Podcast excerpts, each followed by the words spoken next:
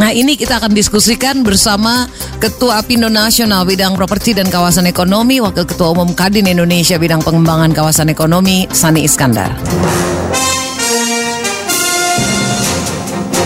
Ekonomi kuartal 1 tertekan. Pemerintah membuka kemungkinan mewujudkan skenario sangat berat bagi pertumbuhan ekonomi Indonesia di akhir tahun.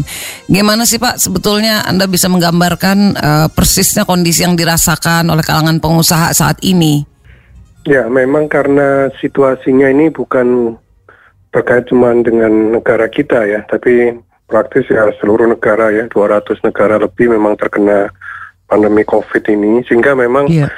ya untuk kita yang memang khususnya di industri manufaktur yang memang memproduksi barang dan jasa yang memang uh, mengikuti daripada demand atau permintaan daripada pasar, ya pasti akan drop ya karena mm. di samping permintaannya sendiri juga jauh menurun, kemudian ada masalah pembatasan-pembatasan ya, baik dari sisi dari luar ke dalam, luar ke, ke, ke dari apa dari dari dalam negeri keluar, termasuk import ya dari luar ke dalam. Karena kan untuk beberapa hmm. kita punya produk bahan mentah, uh, bahan baku kan masih dari luar juga. Yeah.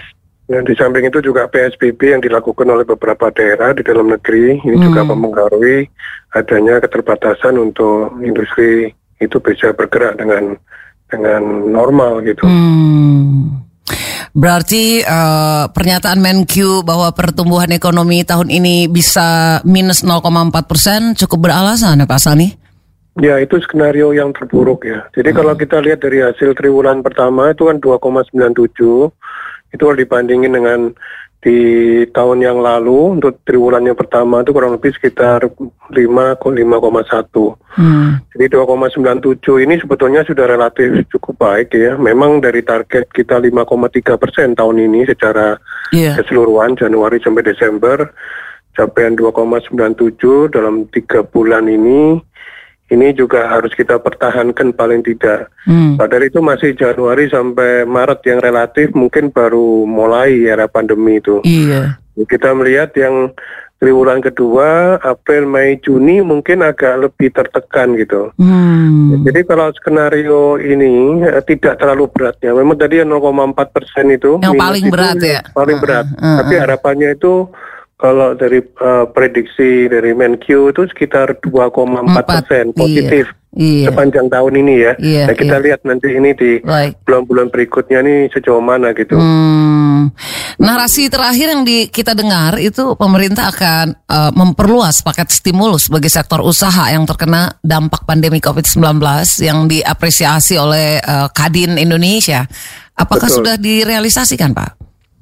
Ya memang tadi awalnya kan memang dianggarkan itu kan 410 T ya dari total 16.000 T uh, kita punya PDB itu artinya praktis memang hanya sekitar uh, 2, sekian persen lah sebetulnya. Hmm. Jadi itu untuk itu makanya Kadin mengajukan 1.600 T hmm. karena ini kan juga terbagi-bagi ya karena baik untuk jaring pengaman kesehatannya, kemudian untuk iya. sosialnya, iya. termasuk kemudian untuk perekonomiannya gitu. Hmm. Dan ini kemarin memang dari yang ini apa PP nomor 23 ya mengenai program pemulihan yeah. ekonomi nasional itu akhirnya uh, yang terakhir itu total sekitar 720 T akhirnya -hmm. dianggarkan. Tapi sekali lagi itu adalah untuk diturunin lagi tadi. jadi 600 sekian T, Pak. Kenapa? Enggak jadi 700, 640 apa nomor sekian T. Oh iya, 640 uh, sorry, yeah. plus 75 itu yang untuk jaring pengaman untuk kesehatan. Jadi yeah. kalau total-totalnya memang persisnya 716 ya mm, atau mungkin mm, sering disebutkan 720. Jadi mm. memang betul dari 640 yang memang untuk untuk sosial dan ekonomi. Yang yeah. 75 T itu tetap yeah. untuk kesehatan. Tapi seberapa membantu Pak stimulus itu bagi dunia usaha, Pak Sani?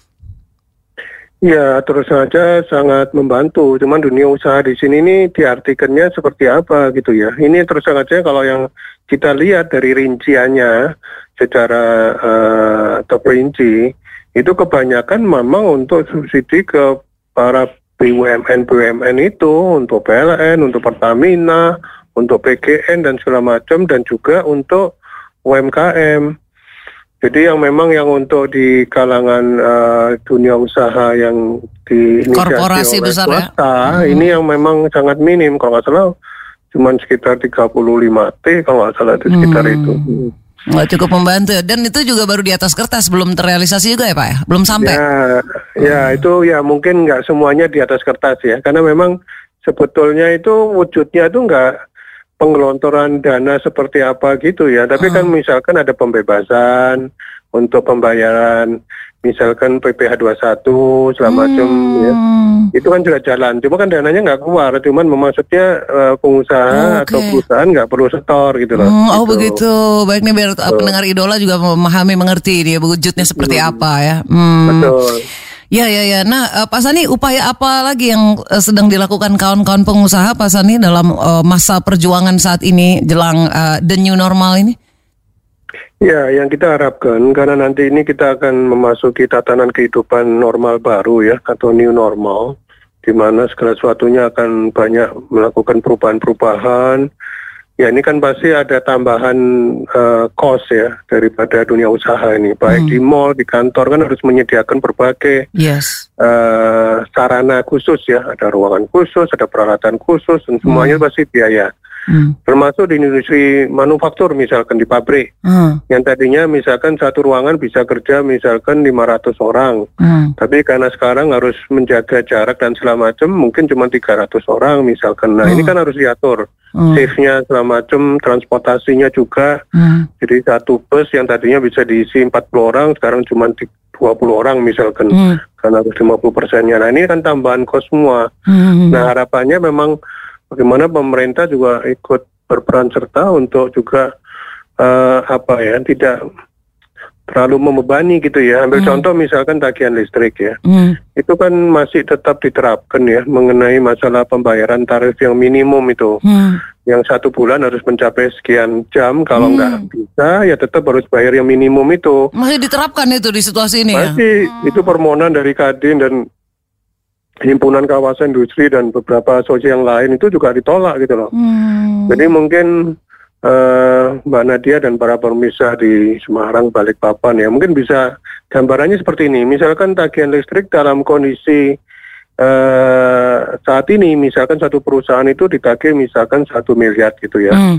Itu padahal sebetulnya yang dia pakai itu mungkin cuma 600 juta gitu misalkan. Hmm. Kalau sesuai dengan dihitung pemakaian jamnya. Hmm. Namun karena ya minimum satu tadi M ya? itu adalah batas minimum yeah. sesuai dengan permohonan ke, oh. ke apa KVA-nya dia ya dari awal itu ya tetap harus bayar ya oh, sehingga kita ya begitu. ya kasarannya mensubsidi PLN 400 juta kurang lebihnya gitulah. Oh ini biar masyarakat ya. juga tahu nih ya kan oh ya, begitu rupanya. Dan kemarin ini kan pelanggan-pelanggan juga termasuk di rumah-rumah kan uh, terjadi lonjakan juga kan ternyata iya. memang ya itu ada perhitungan-perhitungan tertentu juga dari PLN itu di mana iya. memang mm. ya diambil rata-ratanya dari Januari sampai Maret karena mungkin mm. April Mei Juni nggak bisa melakukan mm. pencatatan karena PSBB Hmm. Tapi masalahnya itu setelah di rata-rata kemudian ada ditambahkan dengan faktor X gitu ya. Hmm. Itu selisih katanya itu yang dua minggu terakhir di bulan Maret. Iya. Cuman tambahannya itu kok saya lihat berlipat gitu ya di hmm. di apa di Aprilnya tambah satu di Mei-nya tambah double kemudian di Juni-nya hmm. tambah lagi jadi akhirnya tagihannya melonjak hal-hal yang seperti hmm. ini yang mungkin juga iya, mungkin iya, iya, ya mohon bantuan dari ini ya mungkin itu masuk dari bagian juga, stimulus harusnya ya listrik ya, termasuk yang ini juga Mbak Indah itu kan juga yang mengenai uh, pajak uh, korporasi ya untuk PPh pasal 25 hmm. badan ya. Iya. Itu kan perusahaan yang memang setiap bulan harus istilahnya itu mengangsur ya, mencicil hmm. gitu pajaknya itu sesuai dengan rata-rata uh, setiap bulannya dari total pajak yang disetor uh, tahun lalu. Misalkan hmm. tahun lalu misalkan uh, pajaknya misalkan 100 juta hmm. atau 120 juta. Hmm. Sehingga mulai tahun ini Januari harus bayar 120 dibagi 12 jadi 10 juta. Itu uh. kayak diangsur gitu ya. Uh. Supaya nanti nggak dibayarnya semuanya di akhir tahun. Uh. Nah, tapi kendalanya kan memang sekarang ini kan lagi situasi seperti ini, Iya. sehingga perusahaan itu kan Produktivitas ya, boro-boro juga gitu ya kan. kan. banyak yang memang kapasitasnya berkurang, ada yang stop, dan jelas pasti mereka banyak yang rugi gitu loh. Hmm, Nah itu maksudnya itu kalau Oke. bisa udah eh, nggak usah bayar cicilan gitu loh, nanti diperhitungkan aja di akhir tahun. Jadi bisa mempertahankan supaya nanti- perusahaan juga ya Pak ya. Iya, supaya nggak lebih bayar juga gitu loh, karena Oke. kondisinya seperti ini. Memang itu dikasih diskon 30% sesuai dengan yang di PMK 23 yang kemudian diperluas jadi PMK 44 itu. Cuman Iya. Ya kan banyak yang memang dropnya itu lebih dari 30% itu ininya kapasitasnya. Hmm. Berarti- Kurang lebihnya gitulah. Baik, baik, baik, Pak Pak Sani itu harapan anda ya pada pemerintah lebih diperiksa lagi, Iya. dilihat lagi supaya tetap jalan ya ekonomi. Baiklah Pak. Harapan dunia usaha. Harapan dunia usaha. Pak Sani Iskandar, terima kasih banyak Pak penjelasan anda. Sama-sama, Iya. Nadia. Baik, Oke, salam oke, salam sehat. Ketua Apindo Nasional Bidang Properti dan Kawasan Ekonomi, Wakil Ketua Umum Kadin Indonesia Bidang Pengembangan Kawasan Ekonomi, Sani Iskandar.